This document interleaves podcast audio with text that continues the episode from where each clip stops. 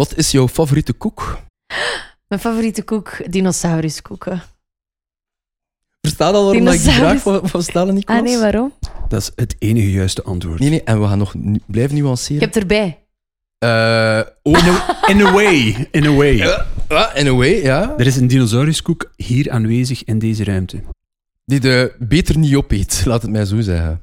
Nee, nu zijn we te vaag. Ja, nee, nu ben ik niet zijn meer we te mee. vaag. Ik heb een dinosauruskoek tattoo. Want Ah, ja. mijn favoriete koek is een dino-koek. Echt waar? Ja. Ah, wat is het Met- verschil tussen een dinokoek en een dinosauruskoek? Het zijn exact dezelfde, sorry. Ehm, de dino-koek is gerebrand geweest als ze de ronde dino-koekjes zijn beginnen uitma- eh, uitbrengen. Dus je hebt de dino-koeken in de vorm van een dino. En Ja? je hebt de dino-koekjes die gewoon rond zijn, met de dino-poot erin die uit chocolade bestaat. Ik noem het Ah, ketterij, nee. maar Ah nee, het eerste, hè? Ja. En, Exact. en wat heb jij getatoeëerd? een dino-koek. Ah, ja, oké. Anders het is het een rondje. Ik zal hem na de podcast laten zien. Nu is het mildly inappropriate om mijn dino-koek tattoo te laten Waar zien. staat die dinokoek tattoo misschien? Want ja... Zoals ik zei, mildly inappropriate. Dus, we, eh, we maken dat soms een quiz, dat mensen mogen raden waar dat staat. Maar als ze dat te snel raden, moet hij hem ook doen. Dus nee, we gaan dat niet doen. dat is ik bij onze taaks, want dan moet ik gewoon mijn broek uit doen. Daar komt het eigenlijk op neer. Oké, Serieus, maar ja. ga je dat ze biedt doen voor mij? Dat vind ik ook, dat vind ik ook wel raar. Nee, is dat hier, is dat hier. Nu gaat dat Ah ah, ja, moeilijk oké, om mijn. Het is, het is best oké. Oké, zeg Amai. straks je vriendin kwaad op mij. nee, nee, nee. Ik heb... eh, nee. Bon, dat terzijde. Anyway. Wel het juiste antwoord. Het absoluut enige juiste antwoord. Voilà, oef. Ik was heel blij om die vraag blank te stellen en zo dino-koeken. Dat, is ook, dat kost ook zo niet zoveel. Dus... eh allee, het hangt ervan af, want het is altijd één pak met een keer bij mij. Dus... eh, Ja, pas op, we hadden dat toch niet vroeger. Het waren zo van die namaak spritskoeken van de Colruyt vroeger. dat, is veel, dat is veel goedkoper dan dino. Herkenbaar. Van die zand. Ja, whatever, maakt niet uit. Ah, maar dat is ook nice. Het zijn de kleine pleziertjes dat je nu weet. Als ik een dino-koek wil, hè, Toch? ga ik mij een gaan Voilà. halen. voilà. Ja, we hadden, eh, vroeger gaven we altijd zo dino-koeken aan elkaar als we elkaar zagen. Eigenlijk al tien jaar lang dino-koeken. Ook in het nachtleven, als ik draai als DJ, komen zo mensen met zo'n geven. Echt? Ja. Hoe is dat? En dat ligt hier nergens, zo raar is dat? Ik heb zelf ik heb superveel dino-koek-memes op mijn eh, gsm staan. nu, had het, nu zie ik aan u gezegd, dit gaat te ver. zeg. Maar nee, maar dat, ja, je beseft toch dat vanaf nu, als ik ooit dino's- dino-koeken memes ga tegenkomen, dan ga ik die u allemaal doorsturen. Hè? Ja, dat is nu... een- Please do. Ja. Dan gaan ze vooral van mij gepikt zijn, denk ik. En ik zal er straks Ah, jij wat maakt tonen. die? Ja, ik maak ze. Zelf? tuurlijk. Ja, ik maak ze zelf. ja, ja, ja. ja, ja, ja. Gelijk Donald Muilen. Ik maak al 29 jaar dino-koek-memes. Alsof ze... Anyway. Alsof ze voor mezelf waren. Ze zijn ook voor hemzelf. Anyway. dus eh, welkom. Ja, goed, één kikkertje wel. Ah, wel, ik dacht het. Ah, niets Ja. beter om het ijs te breken dan een dino-koek. Voilà. Dus, ehm, Goed. Je wist ook dat ik dat ging antwoorden. ja, ik wist dat stiekem. Ik wist dat stiekem. Want ik had, ik, eerst dacht ik dat hij ging zeggen de Antwerpse kletskoppen of zoiets. Of handjes. Handjes. Ja, Kletskop, Antwerpse kletskoppen, dat is niet... Dat ja in Gent niet. hebben we kletskoppen. Ja. Stel je voor dat je zoiets had geantwoord die wij absoluut niet graag eh, lusten. Dan was het gedaan. Dan... Oké, dank u, dat Maar was het. Dag. Er is geen enkel koekje dat ik niet graag eet. Maar bon, we wijken af, zoals ik. eh, zo. Maar merci om een keer tijd te maken in uw, eh, in uw ongelooflijke planning. We hebben elkaar drie jaar geleden kruiselings ontmoet in Ja. Sint-Niklaas. En ik had u toen gestuurd op Instagram van wow, van echte Max, dat je zelf een boodschap had rond mentale gezondheid. En we dachten, laten we daar een keer een podcast over doen. En today is the day. Nice. Ik ben, Ik eh, ben blij dat het gelukt is. En ik ben blij dat ik eh, mag langskomen. Dus dankjewel voor de uitnodiging. Plus, je bent ook de aller, aller, allereerste in onze nieuwe setting. Ah ja, dat is waar. Ik, ik, Ah, vind het goed. waar. ik vind het goed. Ik zit comfortabel. Mai, merci. Dus de lat ligt redelijk hoog nu. Ja, we gaan nog een klein beetje aankleding doen op de muren, maar eh, dat fantaseerde er maar bij of dat hoe wordt met AI of zo. Of ah een beetje ja, postproductie. Ja, Zie je daar zo van die super random dingen nu over hangen? Nee, dat komt goed. allemaal dino-koeken. Ja. Laat, eh, laat mij beginnen met een eerste vraagje dan, dus, Laura. Naar mijn mening heb je een drukke agenda, like dat ik daarnet al grappend zei. Mhm. Eh, ik zie je dan op tien om te zien als presentatrice, vijf minuten later als, ehm, als zangeres op het podium staan. Wat snackt Laura de catering? Hoe vind je toch een beetje balans om voor jezelf te zorgen doorheen al die drukte? Ehm, sowieso vind ik dat heel leuk om te werken. Ik ben een beetje een workaholic, dus ik vind dat ook gewoon heel fijn om te presenteren en dan te zingen en op te treden en ehm, ja, dat allemaal te doen. Dus ik zie dat ook wel als tijd voor mezelf of zo. Dat is natuurlijk niet echt helemaal waar, want je bent dan ook altijd wel een beetje deel van de mensen of zo. De enige momenten dat ik echt, echt voor mezelf heb, is eigenlijk eh, als ik ga sporten of zo. Dat is een beetje mijn uitlaatklep en ook een beetje mijn rustpunt, wat daar raar is, want ik ben niet aan het rusten dan. Maar dat is wel het moment dat ik even met mezelf bezig ben en ook even mijn gedachten kan verzetten. Want mijn hoofd is wel altijd aan het gaan. Ik sta op ochtends en ik sta aan. Dat is heel vervelend. Als ik dan zo wakker word om zes uur omdat ik pipi moet doen en eigenlijk nog drie uur kan slapen, dan gaat mijn hoofd aan en dan is dat, ah, ik moet dat nog doen, ik moet dat nog doen, ik moet die mail nog beantwoorden, ah, ik moet, dat, ah, ik moet mijn belastingen nog binnen. Allee, zo weet wel, zo dat, dat gaat gewoon aan. En ehm, als ik aan het sporten ben, dan, eh, dan is dat even niet. Dus dat vind ik eigenlijk eh, het fijnste om zo even tot rust te komen. Daar herken ik mij vol een bak in, maar daar herken Ja? ik u ook in. Right? Ja, snoezen is geen optie. Hè? Nee, ja. Dat is heel vervelend. Soms lukt dat dan wel, dan kan ik echt zo, maar meestal krijg ik die knop niet meer af als ze al terug aanstaan. Dus ja. En het einde van de dag, kunnen we dat gemakkelijk uitzetten?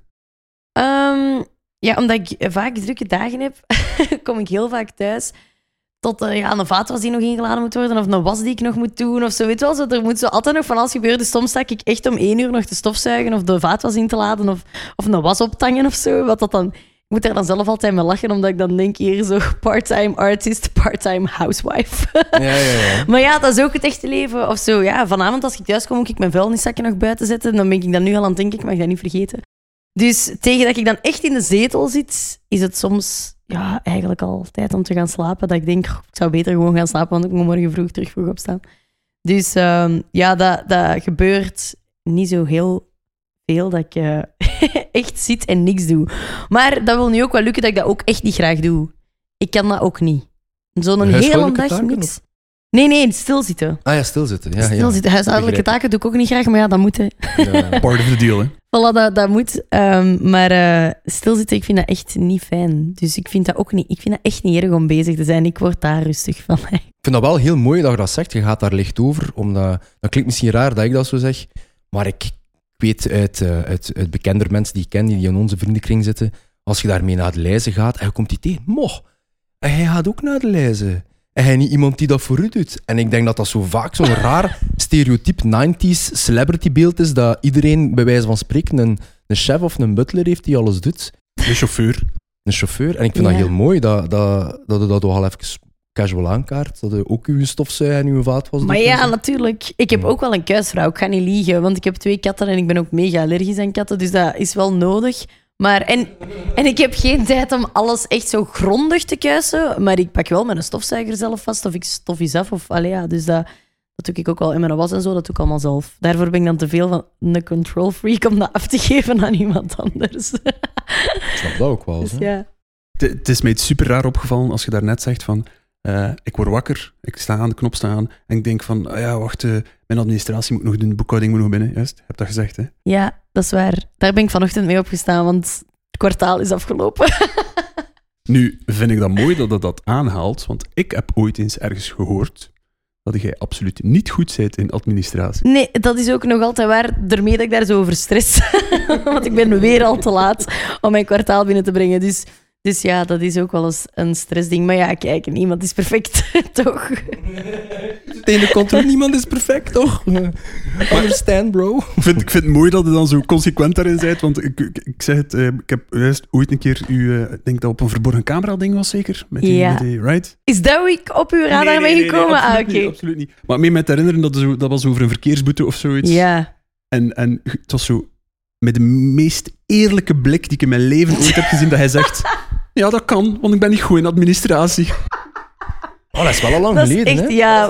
Want dat is echt geleden. mega viraal gegaan toen. En ik, ah, dat was zo gênant. Ik schaamde mij dood. Ik zag er ook niet uit. En ik dacht zo, nee, dat was echt, ja, heel gênant. Maar Ik vond het geweldig eerlijk vooral. Echt waar, echt, echt waar. Ik was ook oprecht in paniek, want ze zeiden dat ze met een auto gingen in beslag nemen en al. En ik dacht, oh my god. En dat herinner ik me niet meer. Ja, sorry. Dus ik was gewoon oprecht eh, in paniek. En ja, het had ook echt gekunnen dat het echt was. Ja, helaas. Maar wel great show of character. Ik weet niet of dat alleen in een verborgen camera situatie, als ik zo thuis waar iemand komt aankloppen, Ik weet niet of ik daar zo vriendelijk had op gereageerd. Ik vond, dat- denk dat je daar wel hebt getoond binnen je viraal moment dat je een heel authentiek karakter hebt of zo. Ah, dat is lief, merci. Ja, ik zou niet inzien waarom dat ik niet vriendelijk zou zijn. Die mensen kunnen Dat daar niet aan doen dat ik mijn boete soms niet betaal of te laat betaal of mijn enveloppen niet open doe. Ja, dat is die mensen schuld niet. Hè. Dus ja, dat, dat zou ook echt geen zin hebben om daar boos op te worden. Denk Vandaar ik dat ik het grappig vond dat hij echt zei van, ik word wakker en ik denk, oh ja, mijn boekhouding. Ja, dat is niet zo stom. Dat is niet dat ik daar elke ochtend mee wakker word, maar dat is meer zo, ja, mijn hoofd gaat gewoon aan. Dat is ook iets, ja, dat, dat, ja, dat mensen rondom mij ook altijd met lachen, vrienden of whatever, als we dan op vakantie zijn of thuis gewoon, dat is zo, oh, je bent direct... Ik ga echt morgens aan en ik begin te praten en zo, lalalala, en dan is dat zo rustig. Eerst koffie. En ik, ja, ik heb geen koffie nodig om... eh, ja, De energie zit er al. ja, ook wel vermoeiend hoor. Vervelend, denk ik maar, soms. Maar ja, kijk. En ik hoor u daarnet dan zeggen van, sporten, dat is voor mij wel een rustmoment. Ja, In uw hoofd, veronderstel ik dan. ja in mijn hoofd. Slaagde dan erin van echt aan niks te denken, behalve waar je mee bezig bent? Dat hangt er dan ook wel vanaf wat ik doe. Ehm, probeer zo... Ik ben vorig jaar begonnen met zo yoga. en in het begin dacht ik altijd dat dat, dat dat niets voor mij ging zijn, omdat ik daar het geduld niet voor heb en zo. Maar dat bleek dus juist wel iets voor mij te zijn om rust te vinden en om zo even...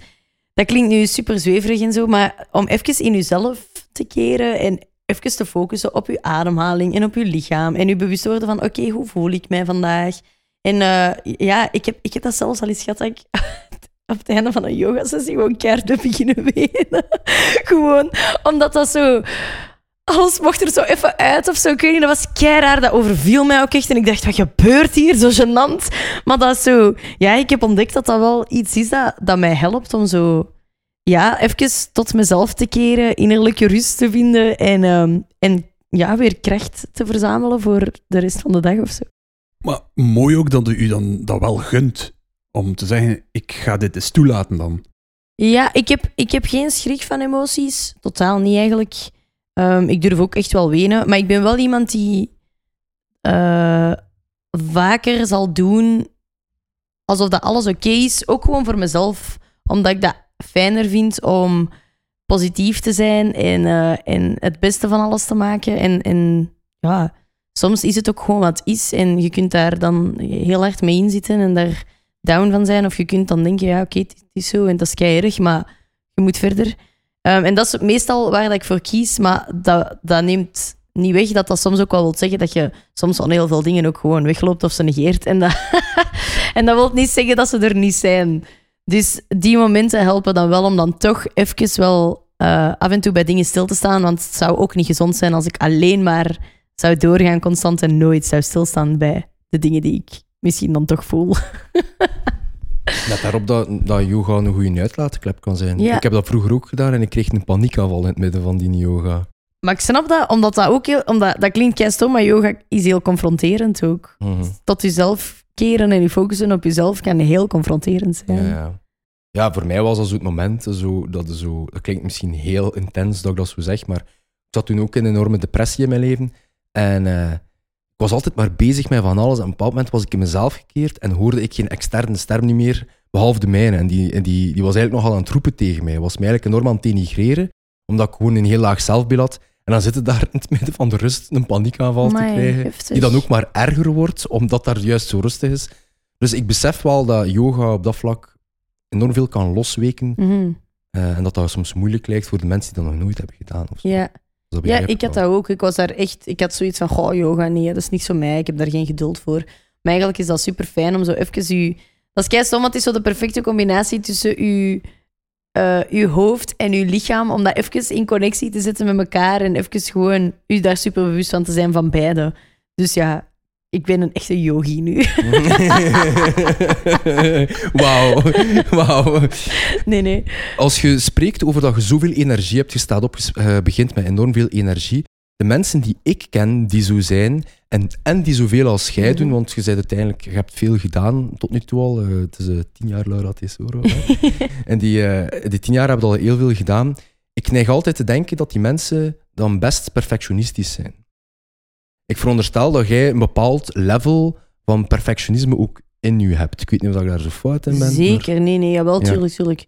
Ehm, ja, dat is wel zo. Omdat ik heb dat op bepaalde vlakken wel, op bepaalde vlakken niet. In mijn administratie ben ik niet zo perfectionistisch, maar, maar in mijn werk wel. Omdat ik dat echt goed wil doen en omdat ik daar ook gewoon heel gepassioneerd over ben en daar heel eh, enthousiast over ben. Ehm, en ik wil daar altijd echt voor de volle 200% voor gaan. En ja, dat is ook iets van mij. Dat is mijn, mijn gezicht. Als mijn muziek is bijvoorbeeld mijn baby. Of als je een programma um, presenteert, dan wilde ook gewoon dat dat zo goed mogelijk ontvangen wordt. En ja, alles wat dat je doet, is een stukje van jezelf ook geven. En, en dan wilde ook gewoon dat dat de, beste versie van jezelf is. En uh, dat dat zo goed mogelijk overkomt. En ja, ik ben daar wel wat perfectionistisch in. Ik denk ook wel dat dat nodig is om die drive te hebben.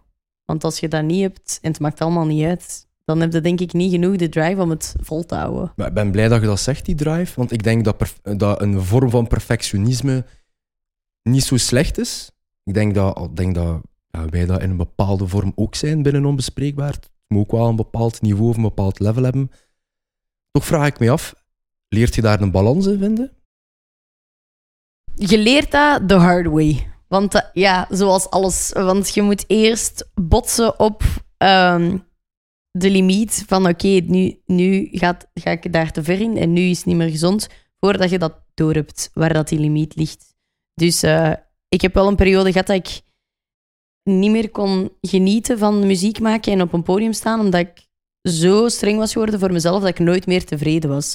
Dus elke keer als ik van een podium kwam, kon ik alleen maar zeggen wat er niet goed was en wat ik niet goed gedaan had en niet wat dat er wel goed aan was. En ik kon daar niet meer van genieten. En um, dan heb ik uh, het nummer Limits geschreven.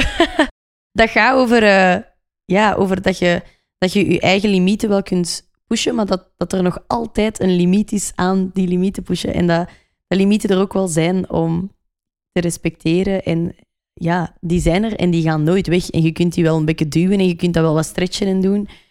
Maar ze zijn er wel, ze blijven er. En um, dat is wel iets dat ik heb moeten beseffen. En ik weet niet precies hoe dat ik die klik gemaakt heb. Ik denk dat corona daar ook wel voor iets tussen zat. Ik denk dat corona en de, de periode dat ik even dat allemaal niet kon doen, mij heeft helpen doen beseffen dat... Um, ja, ik kon geen muziek meer maken en kon niet meer optreden. En ja, ik leef nog. Allee, weet wel, zo ineens it puts things in perspective. Je hebt ineens zoiets van, ah ja, oké, er zijn eigenlijk nog belangrijke dingen in het leven. Dat is niet het enige. En ik was daar zo op gefocust dat dat niet meer... Allee, dat dat gewoon niet meer leuk was. En um, ik was zo blij dat ik na corona terug op een podium mocht staan. En ik heb daar zo van genoten dat het mij niet meer kon schelen als ik een foute nootzong of whatever. Ik dacht, ja, oké, ik wou nog altijd de beste show mogelijk geven, uiteraard. Maar ik had ook zoiets van, fuck it, ik wil er gewoon van genieten, want ik kan dat terug doen. Dus somehow is dat wel goed geweest voor mij om, om dingen terug meer in perspectief te zien en terug meer te genieten van dingen en te beseffen hoe graag ik het doe. En dat dat ook wel belangrijker is dan alleen maar alles perfect willen doen.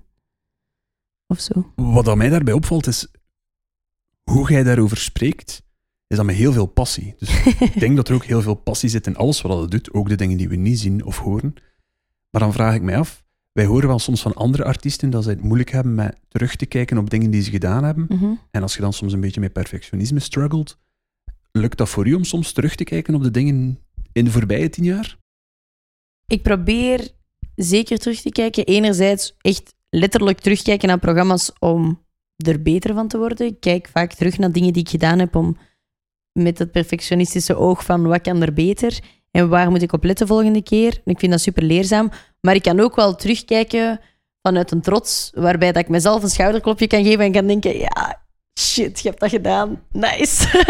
dat was leuk. Of zo. Dat, dat kan ik ook wel. Dus op zich um, heb ik het daar niet zo heel moeilijk mee. En ik bedoel dat helemaal niet in een arrogant way of zo, van dat ik constant naar mijn eigen terugkijk of zo, helemaal niet. Maar ja, af en toe moet ik ook wel eens stilstaan bij wat ik al gedaan heb, omdat op den duur wordt het soms zo vanzelfsprekend dat ik het, dat ik het vergeet. En dan wil ik mezelf daar ook wel aan doen herinneren. Omdat ik niet mag vergeten dat, dat, dat er al wel wat zotte dingen gepasseerd zijn. En dat, dat ik daar ook trots op mag zijn, omdat als je zo gepassioneerd en gedreven bent, dan wil je ook altijd meer. En, het is nooit genoeg. En er zal altijd, als er een droom afgevinkt wordt van je bucketlist, dan is er weer een nieuwe. Dus uh, ja, en af en toe denk ik dat het ook belangrijk is om stil te staan bij, voor iedereen, wat dat je al gedaan hebt en wat je al bereikt hebt. Omdat anders, ja, zijn alleen maar aan het leven voor een toekomst en niet in het nu. Dus dat probeer ik wel te doen.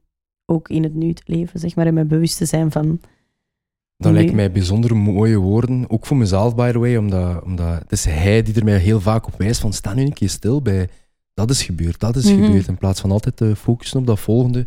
Dus uw woorden komen bij mij ook heel mooi aan. Altijd maar ambitieus zijn en blijven groeien is een beetje een, ehm, een bewijs van ook uit uw comfortzone te komen. En daarmee kom ik aan een bepaalde vraag. Dat, heb jij een specifieke herinnering aan een keer heel hard uit uw comfortzone te komen en dat je daar iets positiefs hebt uitgehaald? Hmm. Maar dat is een moeilijke vraag. Ik heb het gevoel dat ik al vaak uit mijn comfortzone ben gekomen, want ik ben ook niet iemand die bang is van, ehm, van risico's. Ja, het meest voor de hand liggende voorbeeld is denk ik de Special Forces. dat was way out of my comfortzone. Maar ik ben, eh, allee, ik ben heel, heel, heel blij dat ik dat gedaan heb, want dat heeft een mega positieve impact gehad op mij. Ik heb daar heel veel kracht uit gehaald. Dat klinkt heel stom, maar ik was zelf enorm onder de indruk van hoe belangrijk je mindset is en wat dat je allemaal kunt doen, ook lichamelijk, fysiek. eh. Allee, als je gewoon je mind ertoe zet en, en echt gewoon die klik kunt maken. En ik vond dat echt super interessant, omdat ik daar echt beseft heb van, amai, ik kan veel meer dan dat ik denk. Ik moet gewoon er echt in geloven en ervoor gaan. En ik merk dat verschil ook wel nu, als ik dan kijk naar hoe ik nu tegenover dingen sta, zowel in het dagelijks leven als in mijn carrière, heb ik veel meer zoiets van 200% of niet. Want als ik er 200% voor ga, dan, dan, dan ga ik er veel meer uithalen dan dat ik denk. En er is veel meer mogelijk dan, dan dat ik... Allee, misschien maar denk, je moet het gewoon doen. Zo. Daar geef ik u overschot van gelijk in. Want die attitude heb je echt ook uitgestraald tijdens Special Forces. Wij, wij stonden zelf, allee, we hebben daar alle twee wel een keer over gebabbeld. We stonden versteld van, wij preken soms van je moet kwetsbaar kunnen zijn. Je hebt tijdens dat programma kwetsbaarheden getoond, toch verder gedaan. Keer Ja? na keer. Ah, wel, maar dat is wat ik daar straks ook zei. Ik ben iemand die dat... Ik heb geen schrik om emoties te laten zien of om ze te uiten, maar ik ben wel iemand die dat dan zo... Oké, een keer goed wenen en dan verder, kom aan. Dus dat, ja, omdat... Voor mij persoonlijk werkt dat gewoon niet om te blijven te lang stilstaan bij dingen ehm, die mij pijn doen of, die, of waar dat ik van word. Ik, ik probeer daar dan ook iets van kracht uit te halen. Van oké, ik word daar triestig van, dus ik ga zorgen dat dat nooit niet meer gebeurt. Of dat ik dat niet meer meemaak. Of dat dat... Ik weet niet, ik probeer altijd alles om te draaien in iets positiefs. En dat lukt ook niet altijd. En dat klinkt super gemakkelijk. En dat is uiteraard niet zo. Dat is makkelijker gezegd dan gedaan. Hè. Maar ja, dat is Je hebt het gewoon... wel gedaan. ja, Je zei het niet alleen gemakkelijk, je doet, je hebt het ook wel gedaan. ja, ja, maar het was ook maar een tv-programma. Hè. Dat, was, dat was... Het is ook maar dat. Er gebeuren ergere dingen in de wereld dan, dan wat wij daar hebben meegemaakt. Dus eh, het is makkelijk gezegd vanuit een positie dat je eigenlijk geen echte zware dingen meemaakt, weet wel. Ga je daar toch pull-ups in doen? Ik weet het niet. Ja, inderdaad, akkoord. Het is inderdaad een tv-programma. Wel geloof ik dat stel dat er iets gebeurt in uw leven dat je echt voor uw leven gaat moeten vechten, Ja, daar heb jij wel opnieuw getoond dat je een vechter bent. Dat is waar. Ik ben wel een vechter. Don't mess with me. Nee, nee, is niet waar. Letterlijk en figuurlijk. Want de reden dat ik het zeg opnieuw, ik zei het daarnet, de eerste keer dat jij bij mij op de radar bent gekomen, Ja? is als ik u heb zien boksen. en amai. Juist of niet? Ik denk Boxing 2018, stars. 2019, ja, dat is ook voor corona Dat is in elk 2000 geval. 2018 was dat, ja. En 2018. weet je wat ik daar absoluut het mooiste aan vond? Als ik mij niet vergis, verbeter mij als ik verkeerd ben. Hè. Als ik mij niet vergis, ehm hadden we een match tegen Astrid, Ja, juist, klopt. die je gewonnen hebt. Technische kou. Dat wist ik niet meer. Wat ik wel nog wist, is dat hij verbaasd werd dat hij gewonnen had. Omdat ze het plotseling... Ja, het was gedaan en had zoiets technische KO. Ah ja, heb ik gewonnen, heb ik gewonnen. En ik zag zo de, de, de vreugde, de passie, de uitlating echt. Maar het mooiste daaraan vond ik, is dat hij onmiddellijk daarachter zei... Ja, oei, maar ja, ik heb nu wel een beetje een collega neergeslaan. Ja, tuurlijk. Ja, die was technisch KO geslagen, dus die was even van de wereld. Ik dacht, ja, dat, wil ik nu, dat was nu ook niet mijn bedoeling. Allee, ja, weet wel, maar ja, dat is natuurlijk moeilijk in een boksring. Maar eh, ja, dat was niet mijn bedoeling om haar pijn te doen. Maar ja, je staat natuurlijk in een boksring, dus het was wel dubbel. Was het op zo'n moment moeilijk om daarin te switchen? Want ik zag u echt... Je was echt aan het vechten. Je was echt die vechter. Maar onmiddellijk als je dan zag van oei, mijn collega ligt hier wel, Ah ja. dan waren jij zo zorgzaam. Dat was zo mooi om te zien. Ik switch niet bewust. Dat is, automa- dat is gewoon mijn... Ik weet niet, ja, dat is mijn bewuste. Dat is zo... Ah, ik zit daarin, wat boksen. En dan... Oh nee, sorry. Wat heb ik nu gedaan? Zo, dat, dat is gewoon hoe dat ik ben of zo. Ik moet daar niet... Dat is niet dat ik daar bewust over nadenk van... Ah, ik moet daar nu lief voor zijn. Dat, dat, dat gebeurde gewoon. Het is omdat, ik herinner mij zeer goed, ik zat daarna te kijken en ik, ik vond, ik vond eh, uw authenticiteit op dat moment was zo mooi om te zien. Want ik herinner mij zeer goed dat ze zei... Ah ja, eh, ja, mijn neus is ook al gestopt met bloeden, dus het is oké. Maar ja, ik heb wel mijn collega hier... eh, allee, die supermooi. Amai, dat je dat nog weet, dat is al zo lang geleden. Maar ja, alleen merci voor eh, het compliment over de Ik authenticiteit. was dat ook wel een beetje vergeten. Allee, als ik daar eerlijk mag zijn, dat is inderdaad Het is een fighter. zo rond 2018 of zo. Ja, ongelooflijk. Het valt mij daarbij op dat dat, dat dat boksen, dat is toch een van de vaardigheden die de, die de opdoet als Laura Tesoro zijn. Zijn er vaardigheden, of is er een vaardigheid, één vaardigheid volgens jou, die je nodig hebt in uw vakgebied, die andere mensen over het hoofd zien? Oeh, dat is een goede vraag. Denk er gerust even over na. Ik zal de dinokoeken uithalen ondertussen. en nu zo, en zo de ASMR dinokoeken Fred podcast. Wacht, hè. Ja, denk er maar even over na. Ah, man, dat vind ik echt moeilijk. Want ja, je hebt voor, voor alles vaardigheden, andere vaardigheden nodig, toch? Dus ehm, ik denk... Ik denk dat je... Hoe ga ik dat verwoorden? Pakt uw tijd.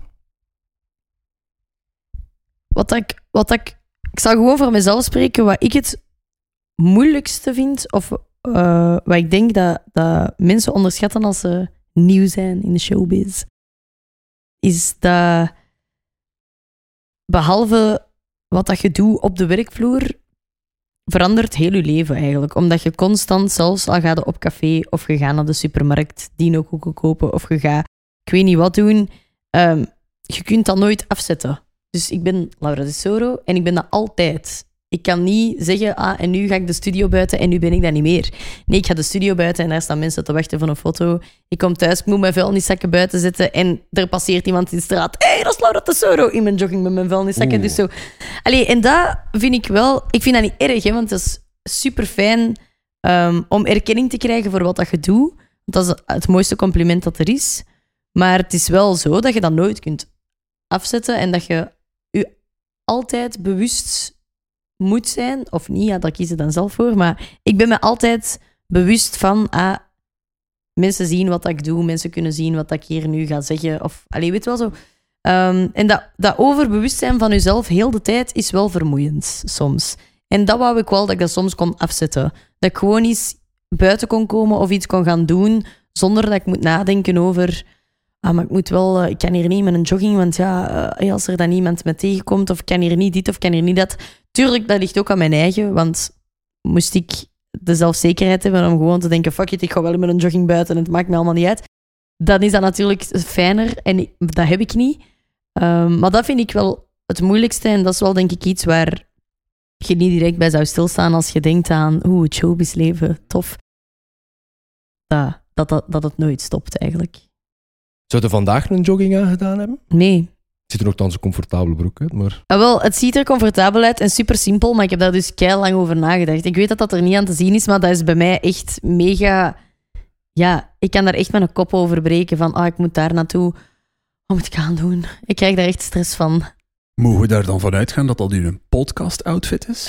Dat is niet mijn go-to podcast outfit, maar ik dacht, ik wil gaan voor iets comfy. Ik wil niet weer helemaal in het zwart zijn, maar ik dacht, ik ga ook niet in het wit, want ja, met de- dus ik, ja, ik ben voor iets eh donker. Maar mijn vriendin heeft u een compliment gegeven dat je Ja. een fantastische outfit aan hebt. Dus Ja, ik kwam binnen en ze zei direct dat ik er goed uitzag. Dus ik dacht, oké, score. ja, maar let maar op, want ze Superlief. heeft ook maat 37 en voordat het Ah, weet, ga ik je slippers moeten geven dat er naar buiten Zalig. Zomaar zijn mijn schoenen.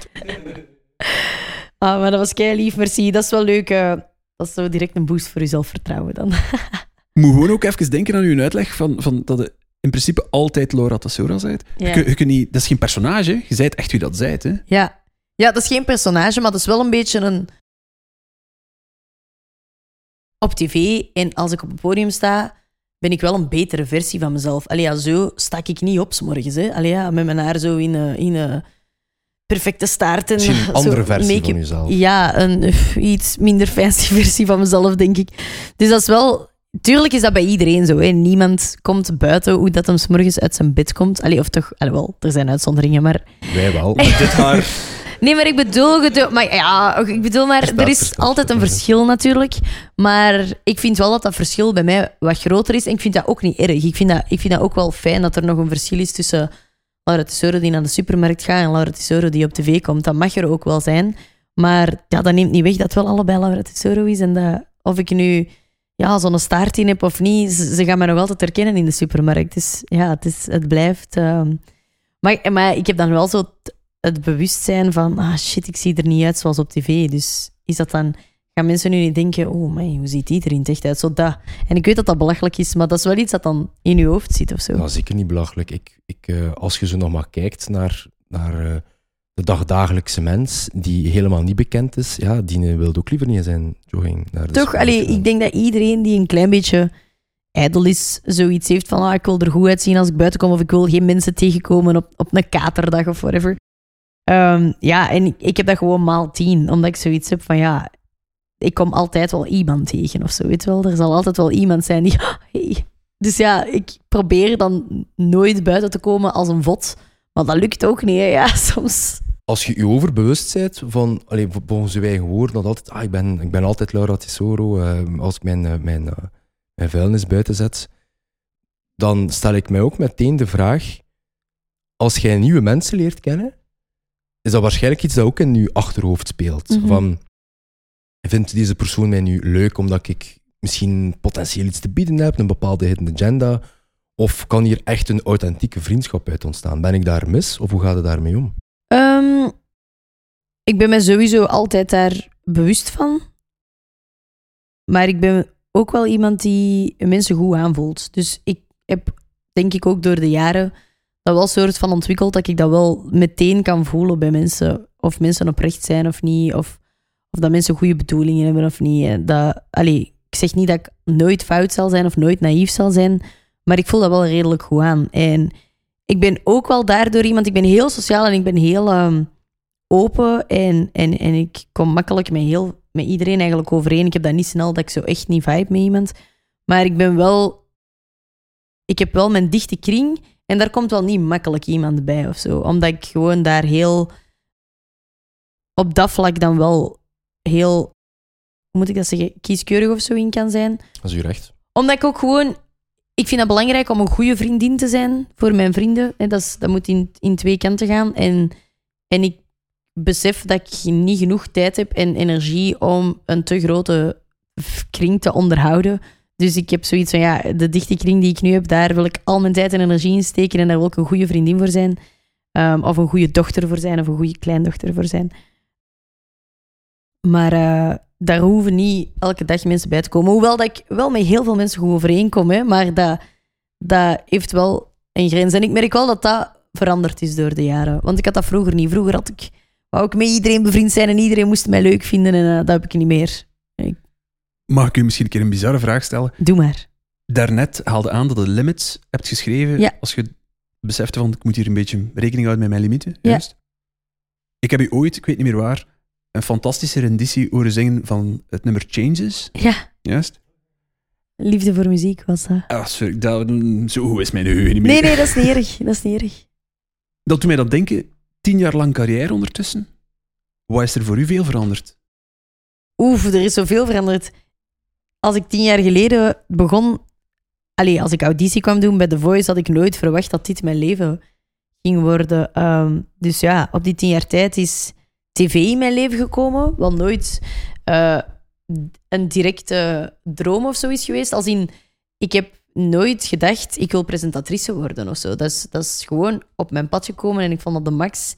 En ik, en ik had wel zoiets van, als ik de allereerste keer dat ik VTM binnenwandelde om blind audition te komen doen, dan had ik wel zoiets van, oh my, hier wil ik werken of zo, hier wil ik...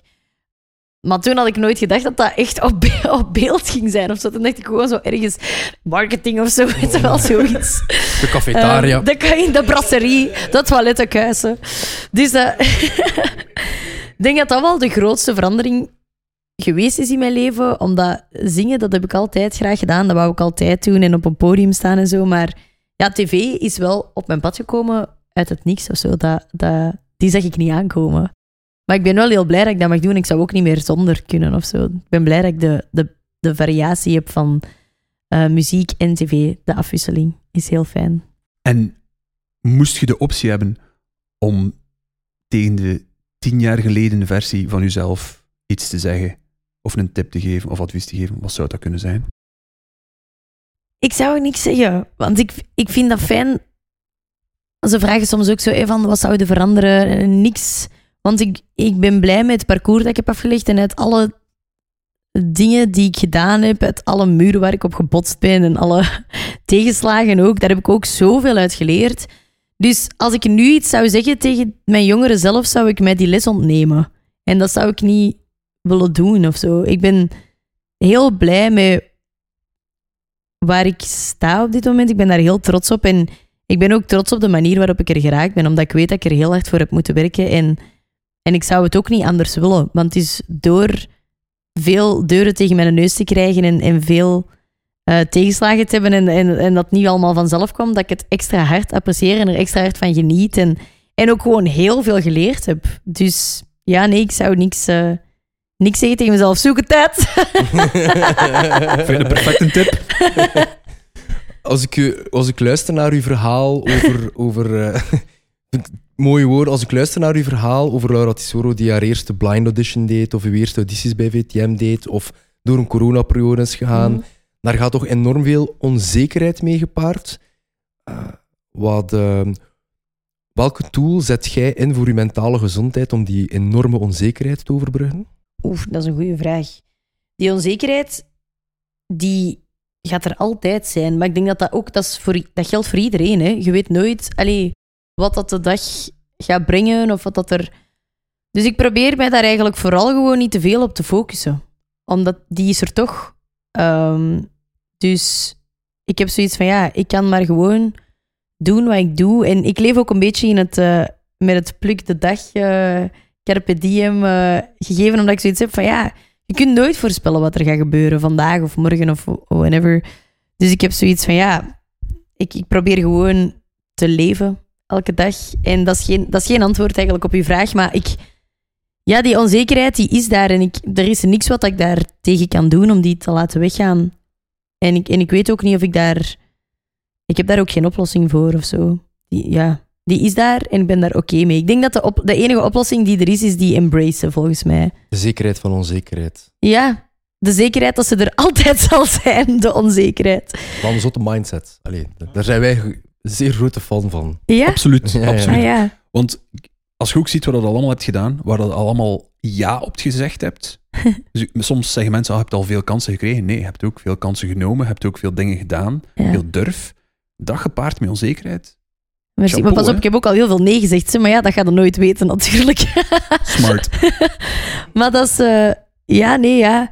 Maar onzekerheid is er zeker. Hè, want ik kom misschien heel zelfzeker over nu, maar dat is totaal niet hoor. Ik twijfel elke dag over honderdduizend dingen. En allee, ik zeg het, ik heb zelfs een uur getwijfeld over wat ik ging aandoen vandaag. Dus allee, ik ben helemaal niet zo zelfzeker. Maar ik, ja, ik zeg het, dat, dat omarmen en, en zoiets hebben van ja, oké, dat, is, dat is nu eenmaal zo. Ik ben onzeker en dat gaat nooit veranderen. En dat is ook oké of zo, denk ik dan. Ik vind het ook mooi verwoord dat je zegt, ik ben over veel dingen aan het nadenken, omdat dat zijn dan gewoon opties. Het is niet dat je dat tegenhoudt, je bent wel de dingen aan het doen. Het is geen Ja. blok aan je been, of versta ik het verkeerd? Nee, dat is waar. Het is nooit een blok aan mijn been. Het is, het is meer van eh, dingen goed doordenken of zo. Of, allee, of dat wil ik toch doen. Ik wil, ik wil altijd al mijn opties overwegen en, en dan hopen dat ik het beste kies of eh, voor het beste gaan.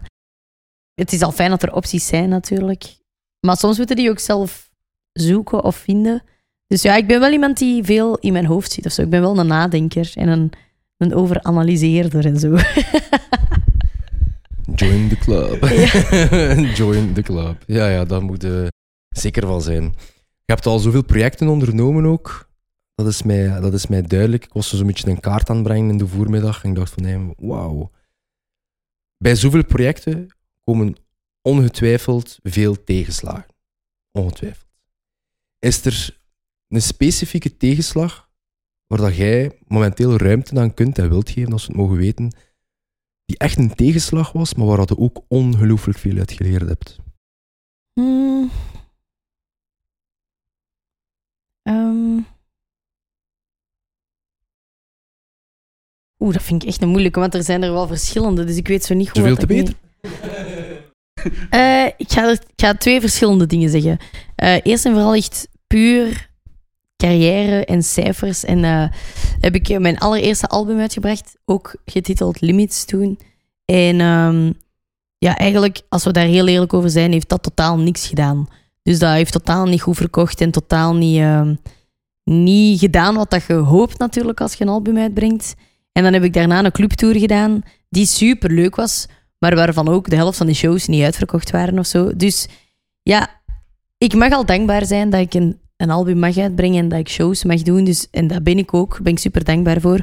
Maar dat was wel natuurlijk ook een tegenslag dat dat dan niet, ja, dat dat geen succes is. Want je, je wilt natuurlijk dat alles wat dat je doet, ja, je gaat natuurlijk voor succes. Dat, dat, dat is het doel. En dat was het totaal niet. En ehm, ja, intussen ben ik er nog altijd niet geslaagd om een, om een hit uit te brengen of een, eh, een dikke show uit te verkopen. Dus dat blijft wel een serieuze uitdaging, maar dat begint ook wel een soort zwaarte te krijgen. Want in het begin is dat oké, ja, maakt niet uit, volgende keer beter. Maar ondertussen zijn we enkele jaren verder en mag ik wel zeggen dat ik al tien jaar muziek maak. En dan denk ik, goh, wat is er dan belangrijker? Super succesvol zijn of gewoon een steady carrière hebben. En ik ben super dankbaar dat ik een steady carrière heb en een hele trouwe fanbase waar ik heel veel support van krijg. Maar natuurlijk hoop ik nog altijd dat de dag er ooit komt dat ik wel gewoon een mega dikke hit uitbreng en een dikke show kan uitverkopen en nog eens een zot album kan maken. En ehm, ja, en we zullen wel zien of dat er ooit komt of niet, maar dat, ja, dat blijft wel zo elke keer als je dan een nummer uitbrengt en doet dan toch niet wat dat je gehoopt had, dan is dat wel elke keer een slag in je gezicht natuurlijk. Maar ook wel weer een motivatie om beter te doen of eh, er opnieuw voor te gaan. En ik zit nu gewoon in de mindset van, kijk, ik ga spaghetti tegen de muur blijven gooien en ooit gaat er een blijven plakken. maar dat... Eh, maar ja, dat is... eh, ja, voilà. Dat is dan, ik probeer daar motivatie uit te halen om niet op te geven. En dat klinkt nu ook heel stom, want ik zeg het, ik ben, ik ben al super blij dat ik, dat ik dat mag doen, dat ik muziek kan maken die gedraaid wordt door radio's af en toe en, en waar een hele trouwe fanbase keihard naar luistert. Dus dat is super leuk, hè? maar ja als, ja, als de cijfers niet zijn wat dat ze zouden moeten zijn, dan is dat wel een tegenslag. Ik wil je wel zeggen, Laura, uw rauwe eerlijkheid toucheert mij bijzonder hard. Maar, Echt op een manier, omdat als ik naar u kijk, dan zie ik oeverloos succes.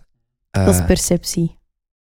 maar daar vult het misschien weer samen, maar Ja. in mijn ogen niet. Hè. In mijn ogen niet. En als jij toch zo iets komt komen zeggen, goh ja, eh, ik geloof in de steadiness of zoiets. Ik wil maar gewoon even zeggen, ik heb geen vraag momenteel, maar uw rauwe eerlijkheid Dat toucheert echt enorm hard. Merci. Ik sluit mij daar volledig bij aan wat hij zegt, omdat ik vind, ik zal het zo zeggen, bijvoorbeeld in The Voice Kids, de rol die je daarin neemt, right? Ja. Dat toont toch dat ook een referentie bent. Wel, maar ik zeg niet dat ik geen eh, referentie ben of dat ik niet succesvol ben. Of, allee, dat, dat zeg ik niet, want ik, ik weet dat ik al heel veel grote tv-programma's heb mogen doen en, en dat ik daar vooral mijn bekendheid van heb. En mensen die mij kennen, kennen mij vooral van VTM. Ehm, maar ik spreek echt puur en alleen over mijn muziekcarrière, over mijn muziek. Dat, dat, puur alleen daarover. Want ik wil echt totaal niet overkomen alsof ik niet... Te, ik ben heel blij met waar ik sta en wat ik mag doen. Elke dag. Ik, ik ga altijd met een glimlach werken. Dus daar... Allee, ik amuseer mij elke dag. Dus daar... daar ehm, allee, laat daar geen twijfel over zijn of verwarring. Maar het is, het is gewoon puur als het gaat over... Ja, wat slaagt er soms tegen? Of wat kan een klap zijn in je gezicht? Ja, dan, dan zijn dat die, die cijfers. Want hoe het ook draait of keert, ik zit in een job waarbij je succes gemeten wordt door cijfers. En die cijfers liegen niet. En mijn Spotify-cijfers, ja, die sukken gewoon. Daar ga ik niet over liegen. Dus ja, dat is ja. Maar de honger die je daar nog een beetje naar hebt, kan u ook wel altijd motiveren, juist? Voilà, dus die honger die is er nog altijd en die gaat ook niet weggaan. En ook vooral, ja, al beroer ik vijf mensen met een song, ja, dan zijn die vijf mensen ook de reden om ervoor te blijven gaan. En die zijn er. Dus ik ga er ook niet mee stoppen of zo, maar ja, je vroeg mij, wat zijn tegenslagen? Dat zijn soms wel tegenslagen en daar kan ik dan wel even sip van zijn. Het is super eerlijk, zoals als chef zegt. Super eerlijk. Nochtans, de minstens 50.000 van uw streams van Car Wreck Paradise zullen van deze zijn. Yes! Want dat ene stuk, waar dat dus die stilte, die dit en dat, dat is echt enorm mijn Ik heb het hier gisteren nog opgelegd met Steffen erbij. Alleen niet dat, nou, weet wie dat is, maar het is, oh, dat is wel super goed geproduceerd. Thanks. Mijn vraag is nu, ik ga dan even de situatie omgekeerd benaderen. Car Wreck Paradise of uw volgende hit is de nummer 1 van België. Sterker nog, de nummer 1 van de wereld. Hoe zou u daarbij voelen? Allee, de, de obvious answer is blij. I get it. Ja, Maar- blij, maar dat brengt dan natuurlijk ook weer een druk met zich mee. eh, want ja, je moet dat dan met je volgende single evenaren. Dus dat zou ook een druk met zich meebrengen. Maar bon, het is ook wel cool om te kunnen zeggen: ik heb ooit een keer een zotte wereldhit gehad.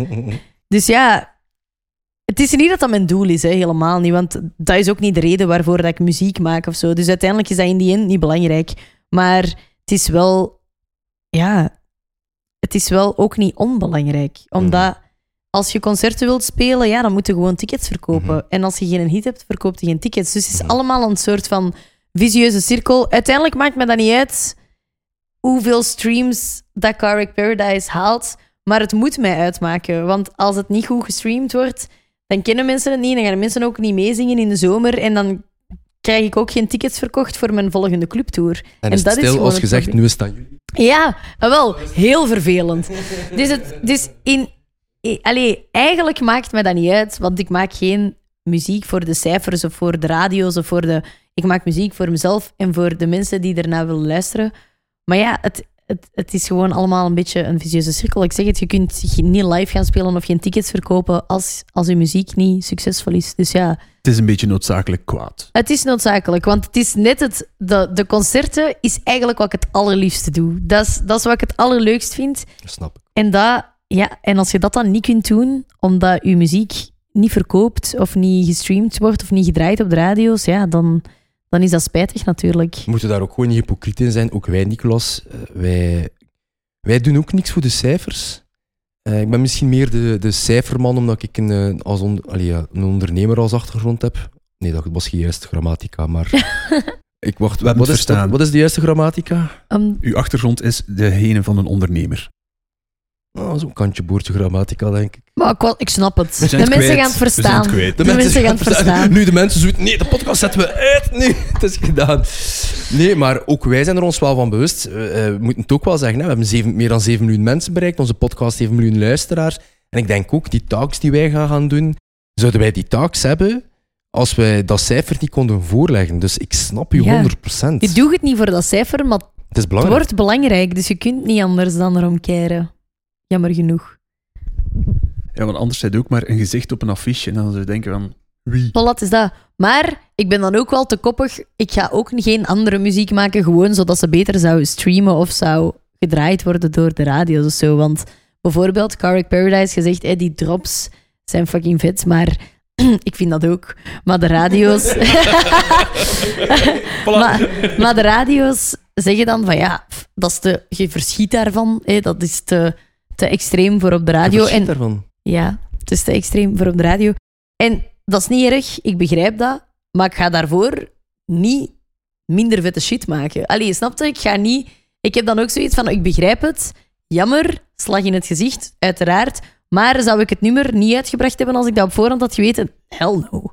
Dat is belangrijk. Dus ja, Dat doet mij ook denken, nogmaals, als je daar net over, over limits bezig was, en als ik terugdenk nogmaals aan dat nummer Changes, ik zag letterlijk de mensen die daarbij zitten, waren snottebellen lang aan het blijten, omdat dat zo goed was. Ik ben het 100% zeker. Die koppigheid heeft u toch ook al wel geholpen in de voorbije tien jaar? ja, dat is wel waar. Die koppigheid heeft mij al in de weg gestaan, maar heeft mij ook al veel geholpen. Ik denk niet dat ik tien jaar Laura Tesoro zou kunnen vieren als ik niet zo koppig was geweest. Dus ja, ik had misschien... Ja, nee, je weet dat nooit. Ja, what if? Dat is altijd een beetje een ding natuurlijk. Maar ja, ik ben, ik ben blij dat ik ehm, mezelf nooit verlogen. Ik, ik ga altijd trouw blijven aan mijn buikgevoel en wat ik denk. En als ik mij ergens niet goed bij voel, dan ga ik het niet doen. Ook niet al levert het mij succes op of al zou het beter zijn voor mijn cijfers of al zou het... Het is allemaal belangrijk en het is allemaal niet leuk als het niet goed zit, maar ik zou er nog ongelukkiger van worden moest ik, eh, moest ik mezelf verloochenen om goede cijfers te krijgen. Ja, of- of dat iets tegen je goesting doet Ah, en wel. was niet goed. Dat Voilà, is dat. ja. Het is dat, het is dat. Dus ja, dat, dat, bijvoorbeeld als ik mijn album Limits uitbracht, dan wist ik dat ik een heel groot risico nam door daar niet What's the Pressure op te zetten. Iedereen heeft me toen zot verklaard, omdat ik heb maar een paar hitsingles gema gemaakt ooit. What's the Pressure, Higher, Mutual. En die stonden allemaal niet op die plaat, omdat ik zoiets had van ja, dat is allemaal uit een ander leven of zo. Nu sta ik hier en wil ik hierover schrijven en is dit de mindset waarin ik nu zit en is dit het artistieke waar ik nu mee bezig ben. En als ik die nummers van drie jaar geleden op die plaats zet, ja, dan is dat zo een soort van best-of album bijeenraapsel van wat ik al gedaan heb van mijn 17 tot... Weet je wel, dus ik had zoiets van, nee, ik zit in een andere vibe nu en ik wil nu dit. Ja, dat is natuurlijk marketing suicide. Om dan de ene hit die dat je hebt niet op je plaat te zetten en een plaat uit te brengen met alleen maar nummers die niemand kent. Ehm, maar ja, ik ben nog altijd blij met die keuze. Oké, die plaat heeft niet gedaan wat we wilden. Jammer, maar ik zou het niet anders doen. Ik zou niet teruggaan in de tijd en What's Pressure wel op die plaat zetten. Ja, nee, want ze past er niet op. Punt. Dus dat... Ja, dus dat... eh, dat is mijn koppigheid. En had die plaat beter verkocht als What's Pressure erop had gestaan? Misschien. Maar ja, we gaan het nooit weten. En ik sta nog altijd achter die beslissing. Ik vraag me dan ook af, de, de durf en de koppigheid die hand in hand gaat, paste dat ook toe in uw niet-professioneel leven? Eh, ja. ja, zeker. Zeker, want ik heb al wel veel dingen moeten opgeven voor mijn carrière. En dat zijn ook ehm, risico's die je dan neemt en dingen die je moet durven. En je weet pas in die end of het het waard gaat zijn of niet. Maar ja, tot nu toe ben ik nog altijd blij dat ik die moeilijke beslissingen allemaal gemaakt heb. Omdat, ja, omdat ik heel blij ben met dat ik mag doen wat ik doe. En ehm, ja, en dan geef ik daar al wel eens iets voor op. Het komt in elk geval over als een gezonde beslissing, want je hebt al een paar keer aangehaald, je bent gelukkig waar dat er nu staat, je bent gelukkig waar dat er nu aan het doen bent. Ja. En ik denk dat dat gigantisch onderschat wordt, zeker voor iemand die zoveel in de spotlight staat. Gelukkig zijn, right? dat is waar. Ja, pas op, ik zeg niet dat ik altijd eh, met de glimlach rondloop. hè. Ik heb ook heel veel moeilijke Dat hoeft ook momenten. niet. Dat hoeft Nee, voilà, is dat. Maar zelfs al, al ween ik heel veel of heb ik heel vaak zoiets van... "Ah, het is allemaal even te veel. Ben ik in die end wel gewoon gelukkig met wat ik mag doen, met wie ik ben. ben super oké met mezelf ook. Ik, ik denk dat dat ook... Allee, daar ben ik ook blij om, want ik denk dat, dat veel mensen dat niet hebben. En eigenlijk zou, zou iedereen dat wel... Allee, zou je dat wel... Je zou willen dat iedereen dat wel heeft, hè, dat je, dat je kunt leven met jezelf. Wat niet wil zeggen dat ik mijn eigen perfect vind, hè? helemaal niet. Maar ik, ik heb mijn flaws al lang aanvaard.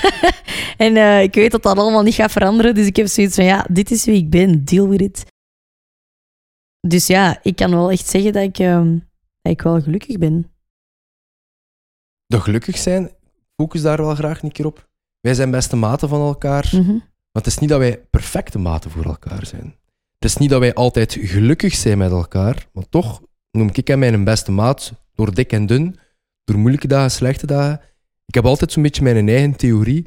Is dat voor je zelfbeeld, als je consistent gelukkig wilt zijn, en consistent is gewoon through the way, dus niet één grote piek. Dat is ook maar raar, want dat weet ook niet wat dat ongelukkig zijn is. Nee, voilà. In mijn redenering is dat door een beetje je eigen beste maat ook te worden. Mhm. We zijn die van elkaar, maar ik probeer elke dag mijn eigen beste maat te worden. Is Laura Tesoro ook een goede vriendin voor Laura Tesoro? Oeh, dat is een goede vraag. Ik vind dat wel heel mooi gezegd trouwens. Ik denk wel dat ik een goede vriendin ben voor mezelf. Omdat ik ehm, heel veel ook met mezelf bespreek. Dat klinkt heel raar, maar ik heb heel veel conversaties met mijn eigen in mijn hoofd. Omdat er... ehm, ik heb hele goede vrienden. Hele, hele, hele goede vrienden. Maar ik heb niet heel veel vrienden die mijn leven snappen. En die, die begrijpen wat dat is om altijd aan te moeten staan, om nooit eh, ja, zorgeloos buiten te kunnen komen zonder te moeten u bewust zijn van uzelf. Ehm, en dat soort zaken. Dus er zijn heel veel dingen die ik... ehm, ja, dat, dat klinkt nu heel belachelijk, maar die soms heel... Allee, soms voelt dat heel eenzaam om zo'n raar leven te hebben dat niemand rondom u begrijpt. Ehm, ook uw partner niet, of uw beste vrienden. Of ik heb het geluk dat mijn ouders dat een beetje snappen, maar ook niet helemaal. Dus, eh, dus ja, ik moet mijn eigen beste vriendin wel zijn, want er is eigenlijk niemand anders die dat weet, behalve ik. Ja, je krijgt dat ook zomaar niet uitgelegd. Juist. En je hebt ook niet altijd de zin om dat uit te leggen. Vooral dat. Maar dan denk ik ook maar, goh, in die end is dat bij iedereen zo. Hè. Iedereen heeft een eigen leven en een eigen stem in zijn hoofd en een eigen ehm, manier van denken die nooit echt volledig overeen zal komen met iemand. Dus ik denk dan iedereen zou zijn beste vriend moeten zijn, want er is nooit iemand die je duizend procent gaat begrijpen. Tenzij misschien een therapeut. Maar Ik ga er al vanuit dat ik mijn eigen niet eens duizend procent begrijp. nee, Ik ga ervan uit dat hij mij beter begrijpt dan dat ik mezelf begrijp. Ah ja, ah, nee, dat heb ik wel niet. Ik zeg niet dat ik mezelf altijd begrijp, want ik heb ook echt al heel vaak momenten gehad dat ik denk: ah, jij kalf, wat heb je nu gedaan? Of zo, dat soort. Of zo van: ah, zet wel zeker van deze beslissing? Of dat ik echt discussies heb met mijn eigen. Maar ja, ik, ik geloof wel nog altijd dat, dat, dat ik mezelf het beste begrijp. Ik denk niet dat er iemand anders is die mij beter begrijpt dan ik. Omdat er gewoon niemand anders is die weet wat er in mijn hoofd omgaat, heel de tijd. Dus ik, ja, ik moet, ik, ja, op die vraag. Ik heb daar nog nooit bij stilgestaan bij die vraag, maar ik, ik denk wel dat ik mijn eigen beste vriend Allee, ook dat wordt een avondje een Amai, crisis. ik ga daar wel nog over nadenken, subiet, ja. Maar dat is wel mooi gezegd, toch? Eigenlijk zou iedereen zijn eigen beste vriend moeten zijn. Sommige mensen zijn heel stout voor zichzelf. Allee, heel, eh moet dat zeggen, niet stout, maar eh, streng voor zichzelf. Of grof gebekt gewoon. Ja, en dat mag tot op een bepaalde Hmm. punt. Want ik ben sowieso een strenge vriendin. Niet alleen voor mezelf, maar ook voor mijn vrienden. Ik zal altijd eerlijk zeggen wat ik denk. Mijn beste vriendin zegt dat heel vaak. Van, goh, je kunt zo bruut zijn soms. Maar ze is in die end wel altijd blij, want ze weet wel wat dat ze aan mij heeft. Want ik ben echt eerlijk. Maar ik, ik sta ook wel echt achter, communication is key. Ik vind dat in een relatie, of dat nu een vriendschappelijke relatie of een liefdesrelatie is, of een familiale relatie, communication is key. En dat vind ik echt belangrijk. Ik zal altijd eerlijk zijn, ook als het hard is. Maar dus ook tegen mezelf. Maar persoonlijk vind ik in discussie gaan met jezelf en te raad gaan bij jezelf, wat je dus wel al een paar keer hebt kunnen doen, Ja. right? Dat is toch de schoonste vorm van zelfliefde en de gezondste vorm Ja. van zelfliefde, vind ik dan. Hè? Ik vind dat interessant ook vaak. Omdat je... Moest je zomaar alles beslissen zonder het met jezelf te bespreken in je hoofd, dan heb je er toch ook niet goed over nagedacht. Je moet toch in je hoofd... Allee, is dat niet normaal? Dat je zo opties overweegt en dan denkt van, ah, wat zou ik wel, of is dat wel de juiste beslissing, of zou ik niet beter? Dat is toch normaal? Dat is toch een beetje een gesprek met jezelf? Absoluut. Plus, je hebt ook situaties waar je al voor gestaan hebt, die je Mhm. kunt als vergelijkend punt gebruiken. Hè? Ja. En dat kun je ook niet uitleggen tegen iemand anders. Nee, niet altijd. Of je kunt dat proberen, maar ja, dat... Soms vind ik het ook wel fijn dat als je... Dat is misschien nu iets totaal anders, maar ik kan soms wel echt ook de mening vragen van iemand anders, zonder dat het mij eigenlijk echt interesseert wat dat die mening is of zo. Want nee, nee, maar wacht. Dus bijvoorbeeld, ik twijfel tussen een dino-koek of een kinderween zeg maar iets. Slechte twijfel. Ja, maar ik zeg... Stel, Ik zeg, hypothetisch. stel, stel hypothetisch, ik twijfel. En jij zegt een dino-koek. Dan weet je instant hoe je daarbij voelt. Instant voelde, ah, ik ben blij dat je dat zegt. Of shit, ik wou eigenlijk toch de kinderbeno. Dat is waarom dat mijn vriendin dat doet. Ja, want ik heb dat super vaak dat mensen dan zeggen tegen mij, maar waarom vraag je het dan aan mij? Je kiest toch iets anders. Omdat ik dat even nodig had om te weten wat ik voel. Omdat ik, ik vertrouw altijd op mijn gevoel. En soms kun je dingen zo overdenken dat je niet meer weet wat dat je voelt. En op die manier, als je dat dan vraagt aan iemand en iemand geeft een antwoord, je weet direct hoe dat je je daarbij voelt. Ben ik blij met die keuze of niet? En dan weet je wat je antwoord is. Holy shit, dat is een lifehack. Ja, ja, ik Ja, heb dat- zwaar iets bijgeleerd. Dat is echt waarom dat zij aan mij vraagt dit of dat. En dan denk ik al van, ja, it's a trap, waar hangt die een camera hier? En dan nee, dat maakt niet uit wat dat je zegt op dat moment. Het is, dat is, allee, en niet, dat dan, niet als ik dat aan iemand vraag, dat die een mening mij niet echt uitmaakt. Hè. Maar ik bedoel maar, ik vraag dat wel echt omdat ik die mening wil weten, maar in die end weet ik hoe ik me daarbij voel. En ik heb dat al super vaak gehad. Als iemand mij dan tegenspreekt en ik ben niet in de neiging om mee te gaan, dan weet ik van oké, nee, ik ben echt heel zeker van mijn punt, want ik, dat was een goed argument, maar ik volg u toch niet. dus zo, Ja, maar snap je? smart. Ja. En begrijp ik het dan juist dat erover nadenken eigenlijk geen gevoel is? Want eens je het vraagt en het hoort, ja. Kiezen door iemand anders, dan voel je wel wat dat er bij de antwoord voelt. Ja, ik ga automatisch wel over alles nadenken sowieso. Maar soms kun je het ook gewoon zo overanalyseren dat je op de duur gewoon niet meer weet wat je voelt en dat zo technisch wordt. En ik, heb, ja, ik vind mijn buikgevoel nog altijd het belangrijkste in elke beslissing die ik maak. I love that. Ja. buikgevoel, daar is ook veel wetenschap naar. Hè? Zo uw intuïtie, uw onderbuikgevoel. Omdat je hersenen bepaalde... Allee, ik ga dat nu niet heel dienen, maar zo echt bepaalde informatie opslaat Ja. daar. En, en vanuit je onbewuste zegt van, "Mm, dit patroon hebben we al een keer gezien. Denk maar aan ja, ja. dating, dat je zo'n red flag ziet. En niet echt je vinger er kunt opleggen, maar het zoiets van, "Mm, dat Nou, voelt hier raar." Mocht daar vaak echt nog op vertrouwen, vind ik. Ah, wel, voilà, dus daarom, vertrouw je buikgevoel. Dus als je het niet zeker weet, twee opties, laat iemand anders beslissen en volg dan je gevoel. We gaan dat stelen van u, we gaan dat toepassen. Maar dat is echt goed. Letterlijk. dat we dat stelen. Nou, dat is zo nog een keer verteld. Dat dino-koeken de... Ja, dat was nu het eerste weer waar dat kon opkomen. Nu, al mijn voorbeelden gaan nu met dino-koeken zijn, maar ja. Ja. en nog steeds worden wij niet gesponsord door Dino Koeken. Dat terzijde. Eh, We hebben eh, misschien nog een paar uitsmijtervragen, want we, de podcast duurt iets langer dan normaal, maar het is dan ik Moet zei dan maar zoveel goede antwoorden... praten. We moeten zoveel goede antwoorden niet geven. Het Ja, had er nu niet gezegd, Dino Koeken was te korter, hè, maar bon. Ehm, ik, ga, ik, eh, ik weet niet of dat... Je hebt waarschijnlijk ook wel nog een vraag als uitsmijter. Nog eentje. Nog eentje. Maar ik heb er ook nog eentje. Als iemand die zoveel bezig is met muziek Ja. als jij, zoveel muziek gemaakt, geconsumeerd, eh, begeleid, ge- gepresenteerd, eh, kom, werkwoorden tekort, maar we get it by now. Is er een liedje in the whole of the universe dat u altijd gigantisch hard raakt? Oef. Raakt. Dus niet van, van blijten. Of gewoon... Eh, raken ben- is in het Gent, eh, eh, emotioneren. Ja, Dus ja. Eender hoe het uw emoties doet voelen. Ehm, oef, dat is wel... Dat vind ik echt oprecht een moeilijke, omdat ik echt iemand ben die... Mijn muziek die ik luister hangt echt af van mijn vibe of van mijn, hoe ik me voel die dag of zo. Dus ik, ik wissel ook super vaak. Ik kan zo één nummer ook... Ah, dit is nu mijn jam en dan is dat een week lang mijn jam en dan ben ik dat beu en dan ga ik naar iets anders. Dus ik ben zo... Bij mij is dat echt komen en gaan, muziek. Dat is niet zo... ehm, ik heb dat niet, denk ik. Zo één nummer dat mij... Wacht. Eén nummer dat mij altijd raakt. Ik wil je ook nog een hotline geven. Het mag ook een film of een boek zijn. Dat helpt niet. Helpt het als je er twee mocht kiezen? Nee, eh, wacht hè. Een koek. Een koek. een koek die u altijd Wacht, raakt. wacht. zijn. Omdat je misschien graag het antwoord hoort van een ander, om dan je buikgevoel te volgen. Ah, ja. Wat is het bij u? Eh, Shine is een van mijn favoriete film. Dat is een eh, niet zo bekende film met Geoffrey Rush. Mhm. Eh, die, ik moet er alleen maar aan denken, ik zou hier kunnen beginnen Van blijven. die pianist, Ah, right? Dat is van die pianist die zo... eh, die, ja, bon.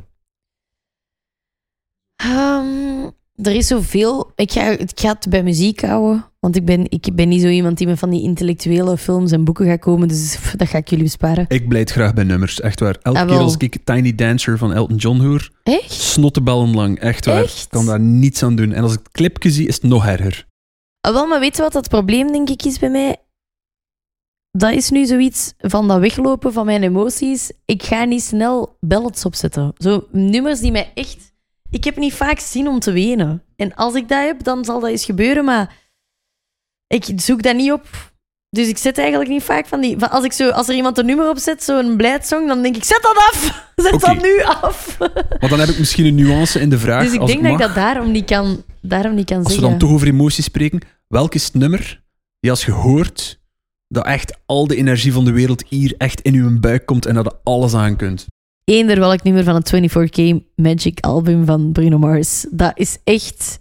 Zet dat op en ik ben echt down voor een dansje. Dat is, ja...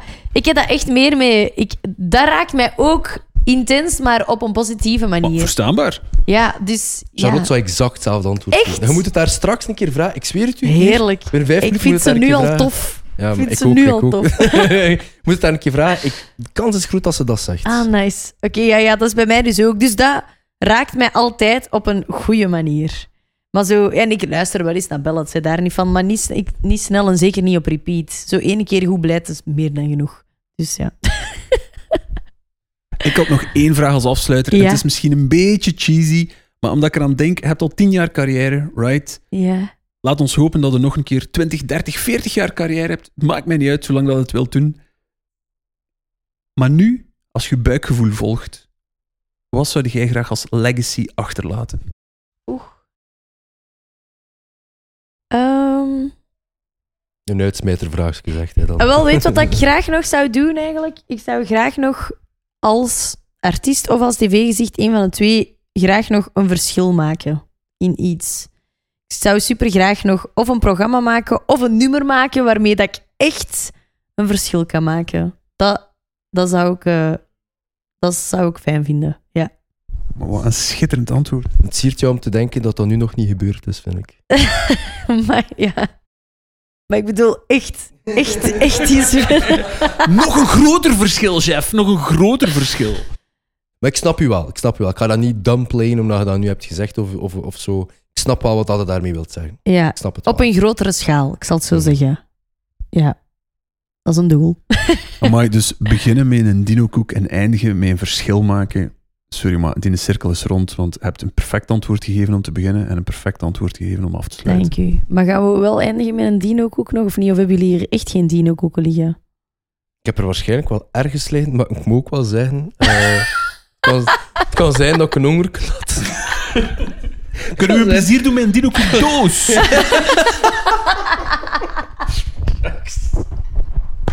Nee, nee, wacht, wacht. Hey, wacht. De, oplossing is, de oplossing is, de eerste persoon die dit hoort en u kruist, Hoe geeft met u een dino-koek Amai. en stuurt ons de rekening. Ah, voilà.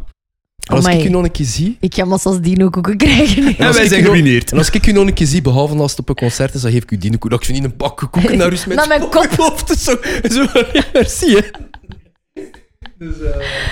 Oh, goed. Dikke merci, was- Ik wou dat het gesprek kon blijven duren. Het was bijzonder gezellig. Ik heb eh, veel geleerd ook. Ja? Niet alleen over u, maar ook gewoon zo een paar inzichten dat, ik, eh, dat wij nog een keer over gaan spreken de komende dagen. Zeker. Oh, dat is lief. Allee, merci. Ik ben blij dat ik mocht komen. Ik vond ook eh, uw inzicht van uw eigen beste vriend zijn, vond ik ook echt een heel interessante. Allee, en andere dingen ook, hè. maar dat is Nee, wel echt, nee, dat gaat dat nog wel wat nazichteren in mijn hoofd. Ja, super interessant gesprek, merci. Je bent ook vooral echt een goeie babbelaar. Dat is aangenaam. Ja, sorry, ik zei het. Nee, nee, een goeie babbelaar. Geen langen, geen te veel, gewoon goed. Oké, oké. Ja, ik vind dat wel. Super merci, Laura. Merci. Thank En you. eh, tot de nooitste keer.